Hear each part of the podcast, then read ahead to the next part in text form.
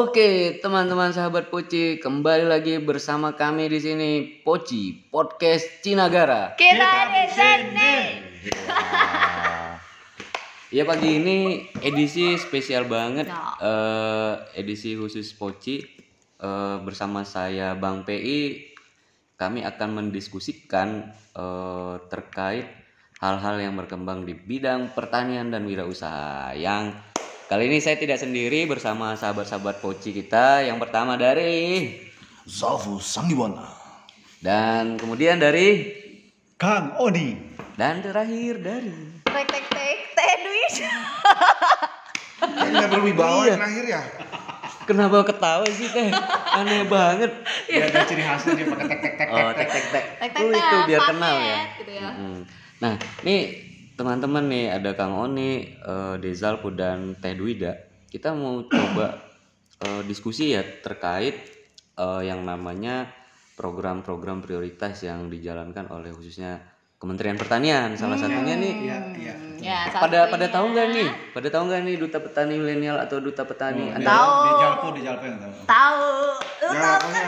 usaha di bidang Pertanian. agriculture. Wow, keren. Keren. The brain keren keren keren brain. jangan, Gila, jangan, gila, jangan, gila. jangan, jangan panjangan, jangan panjangan. Jadi sebenarnya gini teman-teman, Eh, kita pengen tahu sih di sini dan berbagi informasi atau istilahnya sharing ya. Kami juga di sini mencoba menggali sepengetahuan kami dari sisi in dan dari teman-teman yang lain, dari teman saya Dezalku ini dari outnya kan. Jadi in dan Out. out. Nah, oh nih saya pengen tanya nih Dezalku nih.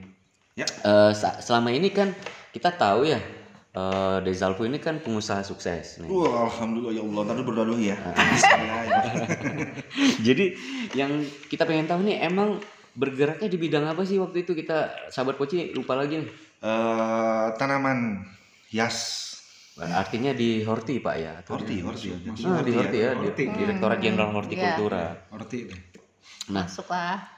Kita pengen tahu nih eh Dezalfu waktu awal-awal buat itu bagaimana sih sistem perizinannya? Apakah pakai proposal dan akses dananya seperti apa gitu? Oh, maksudnya proses dari Iya, benar nol sampai betul, betul, betul. bisa usaha di bidang Pertanian. pertanian di khusus di horti ini ya. Iya, betul. Pokoknya dari nol sampai pemasaran lah. Pertama sih yang pertama cari tanah ya. Ya, oke. Ya kirain niat yang pertama, Bo. Oh ini betul. Pertama niat, niat berdoa. Ini panjang deh kalau Kayaknya runut dari awal mah.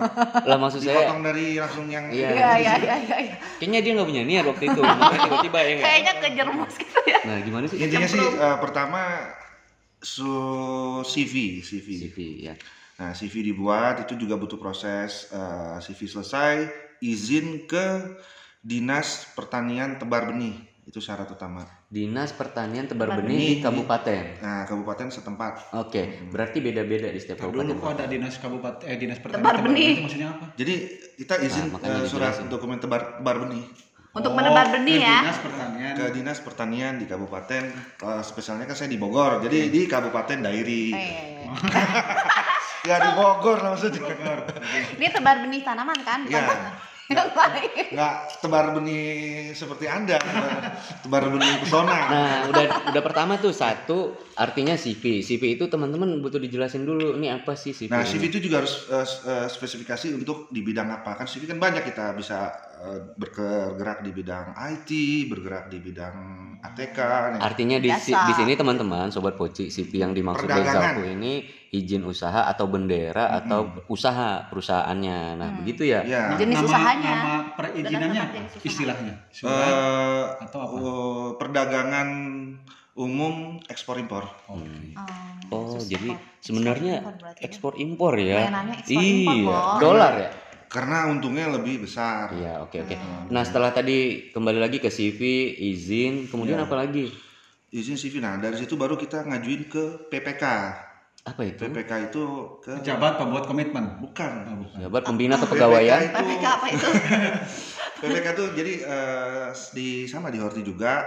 Di Horti? Nah, itu kita semuanya daftar online kok nggak nggak susah. Nah di situ mesti diupload sertifikat CCV-nya yang udah jadi, sertifikat eh, dokumen Perizinan. perizinan tebar benihnya.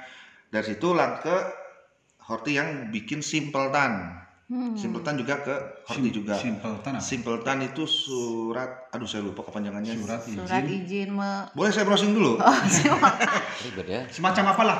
Jadi semacam, jadi prosesnya adalah saat ada order saya, saya langsung ngajukan Simpleton untuk izin em, Ekspor. ekspor. Tanamannya Oh. jenisnya ini, ini, ini, Oke ini. oke oke. hmm. Simpleton keluar, saya buat PPK-nya.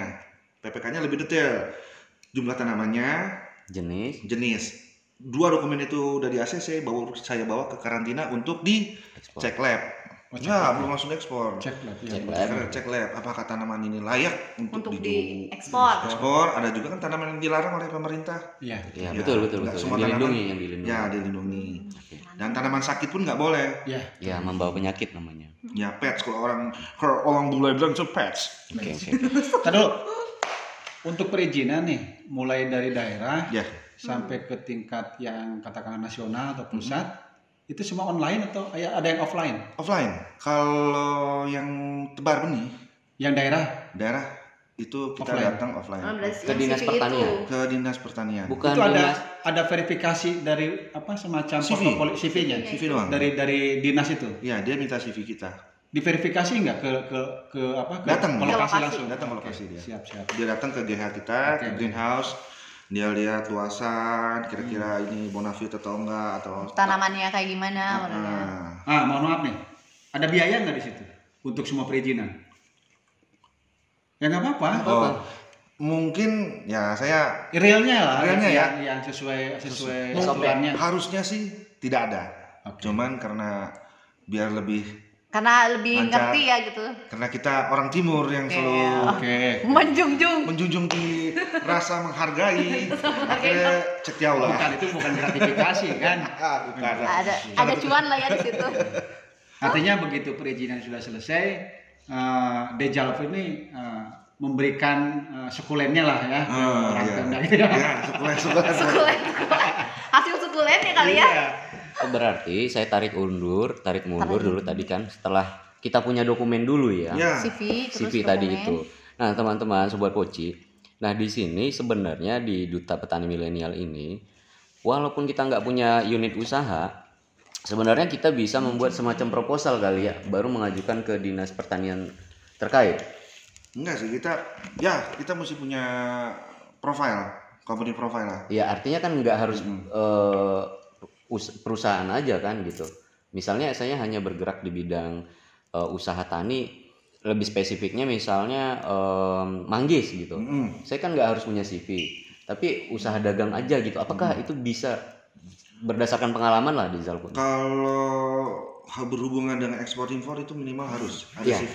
Mm. Nah, kalau manggisnya nggak in- ekspor impor, misalnya saya hanya Lokal. dagang lokal aja, Lokal kayaknya enggak. kayak usaha dagang gitu. Apakah ada verifikasi ke dinas lagi gitu? Kita Harus siapin. CV lagi nggak gitu dari Kalau lokal sih kayaknya maksudnya kita dagang lokal antara misalnya saya dari Jawa Timur, Bang Fi dari Medan punya hasil kita beli enggak itu enggak ada sih kayaknya. Ah, Enggak gitu. perlu Oh, berhubungan perlu ada izin-izin kayak gitu ya. Yang karantina tidak perlu berarti. Iya, enggak. enggak. Oh, artinya sebenarnya duta petani milenial kayak gitu Kang One ya. Misalnya Artinya yang yang berorientasi ekspor berarti Jatuhnya eh, itu. apa? Perizinannya hampir sama dengan Dejalpo. mm, Tapi bagi teman-teman yang orientasi pemasarannya nasional, Nasional ya. hanya nasional, itu berarti tidak perlu perizinan yang ekspor impor karena tidak perlu ke karantina, tidak perlu cek cek lab karantina. Hanya kebijakan nasional aja itu udah berlaku gitu. Nah, ini pertanyaan lagi nih kayak dari Zalfu nih. Nah, saran-sarannya nih kan yang dari proses yang membuat unit usaha ini sampai sekarang sudah berjalan alhamdulillah. Sarannya ini gimana sih sebenarnya? Pakai bendera kah atau bikin unit usaha kah atau tidak sama sekali gitu? Oke, eh, saya coba ini ya, maksudnya coba Jabarkan. se sepengalaman saya lah.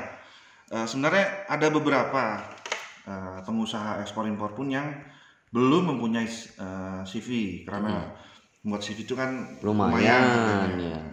Di kita khususnya di Bogor ada namanya itu eh, sewa CV atau pito sewa pito kita bikinin. Jadi misalnya Pak Kang Oni punya us- punya usaha yang mau diekspor tapi nggak punya CV, dia bisa bi- Pinjam, ketemu pinjam sewa. sama orang yang sudah punya CV tapi ada biaya biasanya biaya Oh, Charge. charge-nya berapa persen itu juga bisa Berarti lebih. Berarti kalau perorangan masih masih masih bisa maksudnya Safi atau Pak Kang Oni yang petani yang benar-benar Hmm. buta akan apa buta Akses. akan akses Administrasi lah. administrasi yang repot lah kan maksudnya Iya, orang kan bayangan akan sesuatu yang berhubungan sama pemerintah aduh ribet lah dia bisa ketemu sama orang yang sudah punya CV. punya CV gitu. jadi ada jasanya emang kalau benar-benar yang nol lah tadi katakan. Mhm. Berarti harus buat CV dulu kan? iya kalau emang dia mau bergerak Berbadan hukum berarti kan? berbadan hukum jadi punya kekuatan hukum sendiri dia Punya dasarnya. Berarti teman-teman udah dengar ya eh, saran dari Desalvo ini ini hanya sharing ya teman-teman.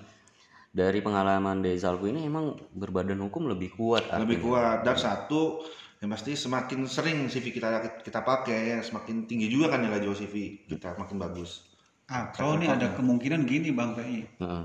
Mudah-mudahan sih sudah jalan ya atau sudah ada. Dulu ada wacana eh, gapoktan Mm-mm. Itu mau dilegalkan menjadi berbadan hukum. nah mungkin lewat situ bisa Jadi bagi petani itu tidak harus Ah, jadi berbadan dibantu. hukum yang selama ini memang sudah ada Ah, ah, seperti eh, CV, PT, Mm. yayasan, koperasi itu kan memang sudah lama tuh itu memang badan hukum kan. Iya. Nah ini katanya ada Gapoktan. wacana gapoktan tepoktan mau dibuat semacam badan hukum Betul. untuk mempermudah akses tadi ke Jadi- untuk perizinan lah. Jadi Diwadahi lah. diwadahi. Ya.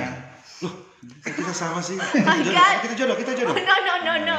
Enggak, sebenarnya gini sahabat Poci, kalau yang coba saya analisis sesederhana mungkin ya, eh, sahabat Poci ini misalnya sudah jalan setahun gitu. Ya. Dia belum punya badan hukum, artinya memang eh, saat ini Kang Oni begini, pada saat akses-akses yang berbadan hukum ini kan kita punya kekuatan administrasi ya. Hmm. Nah, saya pengen tanya nih ke Dezalpo.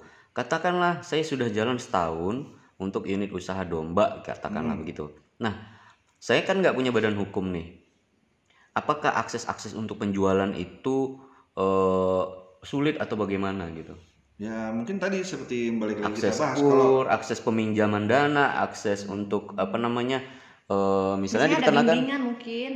untuk peternakan itu biasanya kasih pakannya gimana kan Hmm. gitu-gitu kan kita harus kalau untuk lokalan untuk khususnya tanaman ya karena saya kurang paham juga kalau yang Ternak. ternak ya kalau tanaman kalau lokal sih nggak nggak ada no problem. no problem sih kecuali ya tadi lagi balik kalau kita mau jual keluar Wah, Mm-mm. tapi kalau nasional. sekiranya kalau mau pinjaman itu kayaknya butuh deh Nah, jadi artinya ribet administrasinya kita tidak lengkap kan Iya. begitu. Hmm. Ah, makanya sahabat Poci bagi calon petani milenial eh, apa untuk memperkuat posisi eh, si apa calonnya tadi Iya, ya minimal harus masuk itu tadi apa Kelompok. kelembagaan kelembagaan ya. Kelompok ya kelompok tani gitu. Katakanlah Kalau misalnya Dejalpo kan memang secara pribadi udah udah berbadan hukum kan, Iya. no problem lah. Dia udah punya kekuatan hukum eh, untuk akses ke mana-mana gitu, ya ke perbankan, ke perizinan. Nah bagi teman-teman calon nih, baru namanya juga calon kan, hmm. Atau apalagi yang nol lah katakan, itu minimal ya yang paling mudah sekarang ya masuk kelompok, Kelompok ya? tani. Nah, berarti artinya kan begini ya, eh, sobat Poci. Kalau saya pribadi, intinya memang pada saat kita sudah jalan, tetap aja membutuhkan syarat-syarat administrasi tertentu yang memang eh, bagi teman-teman duta petani milenial ini butuh bimbingan dong seharusnya Iya. di administrasi. Karena kan administrasi kita ini kan sangat penting nantinya. itu bisa tuh yang saya rasakan mungkin ya bagi petani-petani yang masih awam juga eh, knowledge akan tahap-tahap itu masih mereka Ah setuju. Nah, setuju. itu butuh tadi. butuh pelajaran itu sebenarnya Makanya saya tadi nanya di awal tadi sobat koci itu gimana sih awalnya tadi kan Rizal udah cerita dari CV kemudian buat eh, Eh, izin, izin. tebar benih kalau yang khususnya tanaman ya baru masuk ke sistem PPK, Simpleton, eh, ma- Tapi baru masuk suka ke ada pendampingan dari uh, pihak dinas nggak sih? Kalau kayak gitu?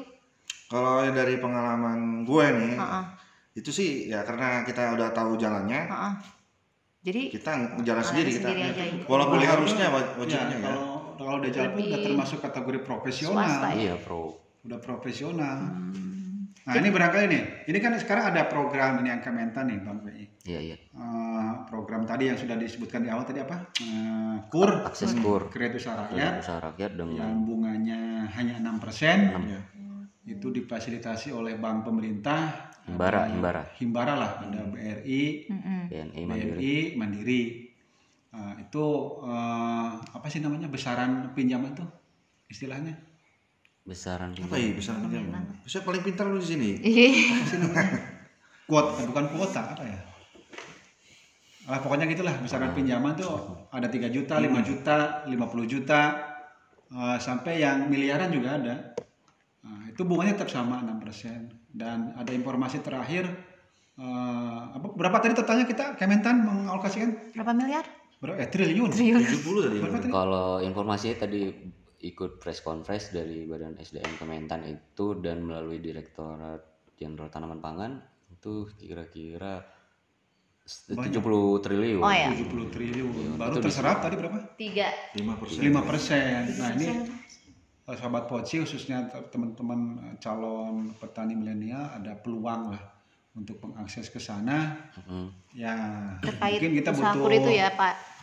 butuh sedikit saran-saran nih bang PI Baik. apa namanya eh, untuk mempermudah atau memperlancar calon petani milenial nih Kalau kata saya sih eh, yang pertama sebelum minjem knowledge si petani itu pertama yang tadi Bang Pi bilang ini syaratnya apa aja sih ngurusnya ke mana sih nah, ada bimbingan itu tuh yang mesti di informasi. nah itu yang mesti Informasi harus dikejar. karena mereka kan kalau ngomong budidaya atau apa mereka Ah, udah. dari lahir sampai sekarang ya hari-hari ngerjakan itu kan setuju saya setuju Apalagi ya ini saya sih tidak mendiskriminasikan ya kan beberapa wilayah juga kita kan sangat sus- susah akses internet untuk knowledge sharingnya itu ya tidak nyampe itu gitu. yang mesti dipikirkan sih Mm-mm. Tadi kayak Dezalpo itu artinya gini sobat poci ya. Eh, misalnya ya sudah berjalan satu tahun atau katakanlah 10 bulan mau dua tahun gitu, teman-teman butuh menyiapkan yang namanya CV. Kalau tidak, kalau tidak ada, kita bisa bergabung ke Poktan atau P4S untuk pendampingan begitu. Saran-saran ini sangat berarti karena nanti akses-akses untuk permodalan, akses untuk pemasaran itu kita dapatkan dari situ. Ya. Iya, benar ya, Dezalpo.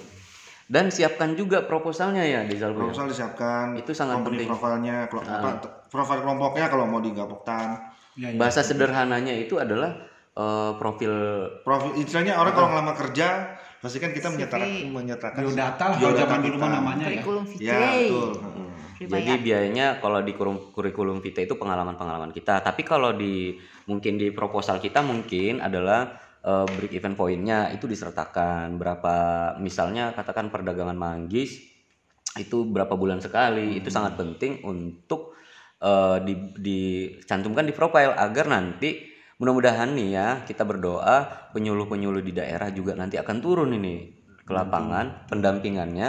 Jadi si- eh, teman-teman penyuluh juga udah paham nih penyuluh pertanian ya teman-teman sobat poci. Jadi dia udah ngeliat oh, wah BEP-nya ini sangat potensi gitu kan. Itu kan artinya menjual juga bagi teman-teman gitu. Sama jangan lupa NPWP itu harus ada kalau mau bikin Oh, iya, Usaha. benar benar benar benar benar. Saya hampir lupa tadi NPWP tadi gimana NPWP ngurusnya untuk syarat membuat CV itu eh, sertakan NPWP kita urus NPWP sebentar kok. Syaratnya syaratnya syaratnya ngurus NPWP ini NPWP pribadi atau usaha? Usaha. Usaha. Nah syaratnya? Syaratnya ya kita tinggal mengajukan aja ke kita datang ke kantor pajak Ah, setempat lah setempat lah KPP ya Nah, KPP. entah yang di kabupaten atau kota Madia bahwa apa yang dibawa dokumennya apa sih KTP ya KTP pemilik KTP, CV entah siapa. KTP pemilik CV, doang. terus kalau dia nggak punya CV-nya masih eh, ini Justru sebelum punya C- C- belum punya CV punya NPWP dulu. oh itu syaratnya Ah, menjadi CV oh iya bikin. betul betul Dari saya awal ingat berarti KTP bikin NPWP habis itu baru CV Baru bikin. Nah, kita kalau yang baru kita ajukan Heeh. ke ke ke mana? Ke notaris di tempat tinggal Anda untuk membuat CV ya. iya Iya. CV notaris. Biayanya sekitar tergantung sih, cuman relatif antara 5 juta sampai 10 juta paling mahal lah. itu CV. UMKM UMKM Eh, CV menengah biasa. ya menengah biasa UMKM berarti artinya kalau yang besar mungkin lebih lagi Belum besar PT ya Iya. biasanya itu lebih. Nah itu ya sobat poci, jangan lupa tadi kita sampai kelewat ternyata ada NPWP yang namanya untuk usaha bukan NPWP pribadi. Beda ya. Ya, MPWP, MPWP perusahaan lah. perusahaan. Ah, ah, ah. Tapi sebenarnya tadi tuh udah dijabarin gak sih terkait DPM DPA kan ini KUR itu lebih mengacu kepada DPM DPA. Sobat Iya. Poci udah pada tahu nggak syarat kita, DPM kita DPA kayak di, gitu? di antara kita lah di antara host poci eh, ini bang PI biasanya yang yang apa eh, orangnya sistematik gitu ya Hmm. Tertata. nah tertata ini kira-kira nih bukan kira-kira lah Hmm. kita mengandai-andai sekaligus eh, mungkin saran ini untuk eh, yang Kita juga. bisa diambil kebijakan lah kira-kira strategi strategi apa memberdayakan kur nih memberdayakan kur supaya kur ini berjalan sesuai apa yang diharapkan artinya yang diharapkan tuh sampai si petani milenial ini atau petani secara umum sampai bisa memasarkan dan menguntungkan Oh. Hmm. dan langgeng Iya, iya. Iya, gimana tuh bang? Terima kasih Kang Oni. Teh Widya juga boleh bang Dejabi juga boleh Jadi untuk kemajuan ya, Iya, biar iya. terus berjalan. Biasanya kan selalu ada evaluasi. Kalau yang Wida tahu, misalnya kalau untuk eh, olahan ternak itu biasanya eh, setelah mereka eh, memiliki surat untuk izin mengekspor impor itu biasanya akan ada eh, tim evaluasi yang akan menilai itu berjalannya selama lima tahun apakah udah masih baguskah eh, produk yang dijual atau enggak nanti setelah misalnya hasil evaluasinya masih bagus ya otomatis masih bisa berjalan. Itu ada evaluasi. evaluasinya. Tapi kalau misalnya mereka ada yang miss ada lagi yang kekurangan lagi itu akan eh, dikasih peringatan biasanya. Yang saya tahu loh pak. Hmm. jadi eh, dikasih peringatan dulu itu biasanya tiga kali peringatan. Kalau misalnya masih belum ada perbaikan otomatis akan dicabut kayak gitu Oh, gitu. yang saya tahu mohon Iya, siap, maaf siap, siap. seperti itu kalau Jadi mungkin tambahan lagi dari Teh Duwida ya. Mungkin eh, ini obrolan kita aja ya Sobat Poci. Kira-kira langkah-langkah yang paling strategis dilakukan pemerintah saat ini eh, kita juga pem- orang pemerintahan ya. Eh, kita juga mempunyai saran-saran beberapa. Yang pertama yaitu adalah membentuk tim pendamping gitu. Jadi Wah keren tuh keren. Nah, tim pendamping ini terdiri dari beberapa elemen. Katakanlah Untuk yang kur ya? Iya, Khusus untuk kur ya? Untuk kur ini salah satunya adalah Kementan. Kementan, kemudian ada tim Kementan. bank Oke. dari BUMN, bank. Himbara kemudian berarti ya? Himbara, kemudian ada Pemda, Perhiptani itu bekerja sama, kemudian DPM, DPA, P4S, Ikamaja dan KTNA. Nah, ini tim pendamping ini yang menyiapkan teman-teman DP, eh, DPM, DPA untuk akses kur. Kemudian Kemudian ada tujuh elemen tadi ya. Iya tujuh elemen tadi. Keren. Kemudian yang kedua, Tadi dulu pendampingan ini pendampingan eh, berarti pendampingan keuangan dari kur itu sama pendampingan, Pendampingan teknisnya langsung. teknis Di betul betul. Oke, oke, oke. Jadi mulai dari sisi administrasinya kan kita tahu tuh dari tadi yang yang di, Ah, di apa dirinci oleh Bang Jalpu berarti itu didampingi terus kan ya didampingi betul. tentang perizinan segala macam lah administrasi. Betul. Oke. Ya, ti- pihak Kementan bertanggung jawab, Ah, iya, BUMN turun, Pemda juga harus dilibatkan, kemudian DPM, DPA, P4S dan Ikamaja. Kemudian priorita- prioritasnya adalah jadi dibuat aja target mungkin ya setiap daerah kita kejar eh, satu kabupaten itu 5 DPM, DPA petaninya. Artinya Keren. nanti kur yang ini bisa diakses. Ini hanya sekedar saran ya. Kemudian Lima orang per per kabupaten, Kabupaten kota. kota ya? Kabupaten. Hmm, kita cari. kalau di Indonesia ada kurang lebih 500 kabupaten, Kabupaten, kabupaten kota iya. itu udah 1500-an ya. 1500-an kita dapat. Artinya target-target untuk menciptakan duta petani milenial atau dut- eh, petani milenial itu saya kira ya. per tahunnya kita bisa kejar lah gitu. Ada target-target yang bisa kita buat secara sistem- sistematis gitu kan kemudian.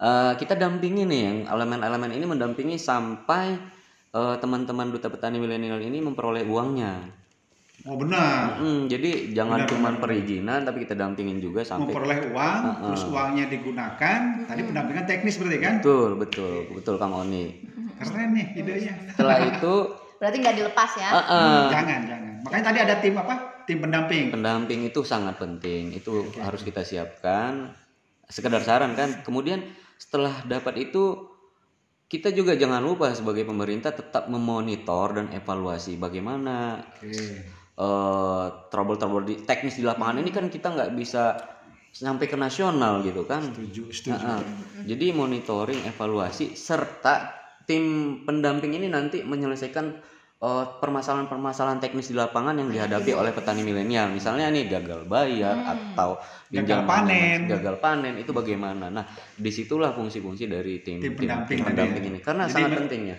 begitu ada masalah ada solusinya lah. gitu. Heeh. Kalau saya mungkin mau nambahin dari Hmm. segi pebisnisnya. Oke, Oke. siap. Sebelum mengambil pinjaman, jangan sampai sia-sia. Jadi kita mesti tahu apa yang mesti kita lakukan. Mm-mm. Maksudnya, kalau saya bergerak di bidang karena saya bergerak di bidang tanaman, eh, mungkin Heeh. kita mesti tahu dulu apa yang disukai tanaman oleh orang luar. Pasar. Kedua, gunakan sosmed semaksimal mungkin. Keren. Iya benar-benar. Karena kita jualan dari sosmed kalau Keren. di kita ya. Setuju, setuju, setuju saya. Dan untuk masalah pembayaran-pembayaran, ya untuk orang-orang petani di Bogor, khususnya Ciapu sudah tahu kita menggunakan PayPal. Keren. Oh. Karena eh, Dolar kan? Nah, karena pembayarannya dia paling fair saat du- uang kan ditahan dulu, tanaman sampai tidak ada masalah, baru bisa cair dari PayPal. Jadi tidak ada kecurangan di situ. Karena banyak kalau yang transfer langsung nanti tanamannya nggak nyampe Atau ada kasus-kasus. kerusakan ya. Nah, ya kerusakan. Kedua, dan ini sudah dilakukan sama karantina sih. Jadi permasalahan kita adalah misalnya ada order dari negara A dan Iya. kita kan setiap negara tuh punya Beda-beda. Kebijakan masing-masing. is on rule ya maksudnya di negara ini Iya. Betul, betul. butuh ini dokumennya negara B butuh ini nah kita kan Beda-beda. Sedikit gelap gitu para uh, petani ini nah itu yang kita butuhkan pendampingan yang, Perlindungan mungkin ya lebih. yang tadi Bang Pi bilang kita butuh pendampingan untuk di transfer knowledge di bidang situ Betul, betul, betul. Mm-mm. Karena beginilah, ini kan eh, yang kita sasar adalah milenial. Hmm. untuk untuk eh, apa ini istilahnya eh, akses ke dunia Susah. apa dunia Pemerintah? Internet lah Oh, iya. dunia maya mungkin tidak asing ya bagi yang milenial tapi yang milenial artinya tinggal memberikan informasi misalnya urusan A aksesnya ke mana gitu Ya. Betul, urusan betul. B aksesnya Ya, ke mana itu itu gitu. itu karena buta nggak ada map. Iya, ada map. meskipun eh, apa generasi milenial ini mungkin bisa apa Sangat eh, gampang. share sendiri share sendiri apa Cari sendiri. cari Searching. sendiri searching sendiri betul bukan share searching searching sendiri ya browsing browsing tapi untuk mempercepat untuk mempercepat proses uh, searching itu saya kira tim pendamping dibutuhkan Ya. untuk percepat ya ya untuk Mappingnya lah itu. kalau mungkin dia jalan karena profesional dan udah banyak link udah banyak Ya. kolega kan informasinya mungkin dari kolega awal Betul, ada grup meskipun dia saya yakin mencari sendiri kan Ya. Ya kebetulan kalau saya di grup ada grup Bogor semua petani. Nah. Wah. tapi yang mengkoordinir adalah orang karantina. Jadi Oke, saat oke. ada info-info dia langsung Orang karantina pertanian kan, badan karantina karantina kebagian. pertanian. terima kasih orang karantina kebagian di Yeay, Bogor. arigato. Jadi gini tadi ide-idenya Bang Pei itu bagus tuh. Pembuatan tim pendamping, evaluasi yang periodik mingguan, kemudian eh, target per kabupaten sekian orang, kemudian apa eh, mendampingi jangan putus-putus gitu ya. Iya. Iya. Pokoknya ditekankan lagi dari Dejalpu tadi yang milenial itu jangan sampai terlepas dari dunia medsos, Medsos, dunia ya. internet lah. kalau kemajuan maya. nah, kemajuan membuat Ya, website Betul, betul. sosmed itu udah Kerjaan milenial aja ya. harga mati lah kalau buat Bisnis. jualan bisnis Iya, iya. Ya, sobat Poci, kira-kira masih ada ditambahkan ini sama teman-teman? Udah oke. Oke, Udah, udah. mudah-mudahan sobat Poci eh, diskusi kita ini berguna Menginspirasi dan gitu ya. menginspirasi dan kita juga di sini hanya mencoba memberikan eh, masukan-masukan ataupun sharing terhadap knowledge yang namanya akses kur dan petani milenial. Sekian dari kami sobat Poci, kami ucapkan mohon maaf apabila ada kata-kata yang salah. Wabillahi taufiq wal hidayah. Wassalamualaikum warahmatullahi wabarakatuh. Waalaikumsalam warahmatullahi Waalaikumsalam. wabarakatuh.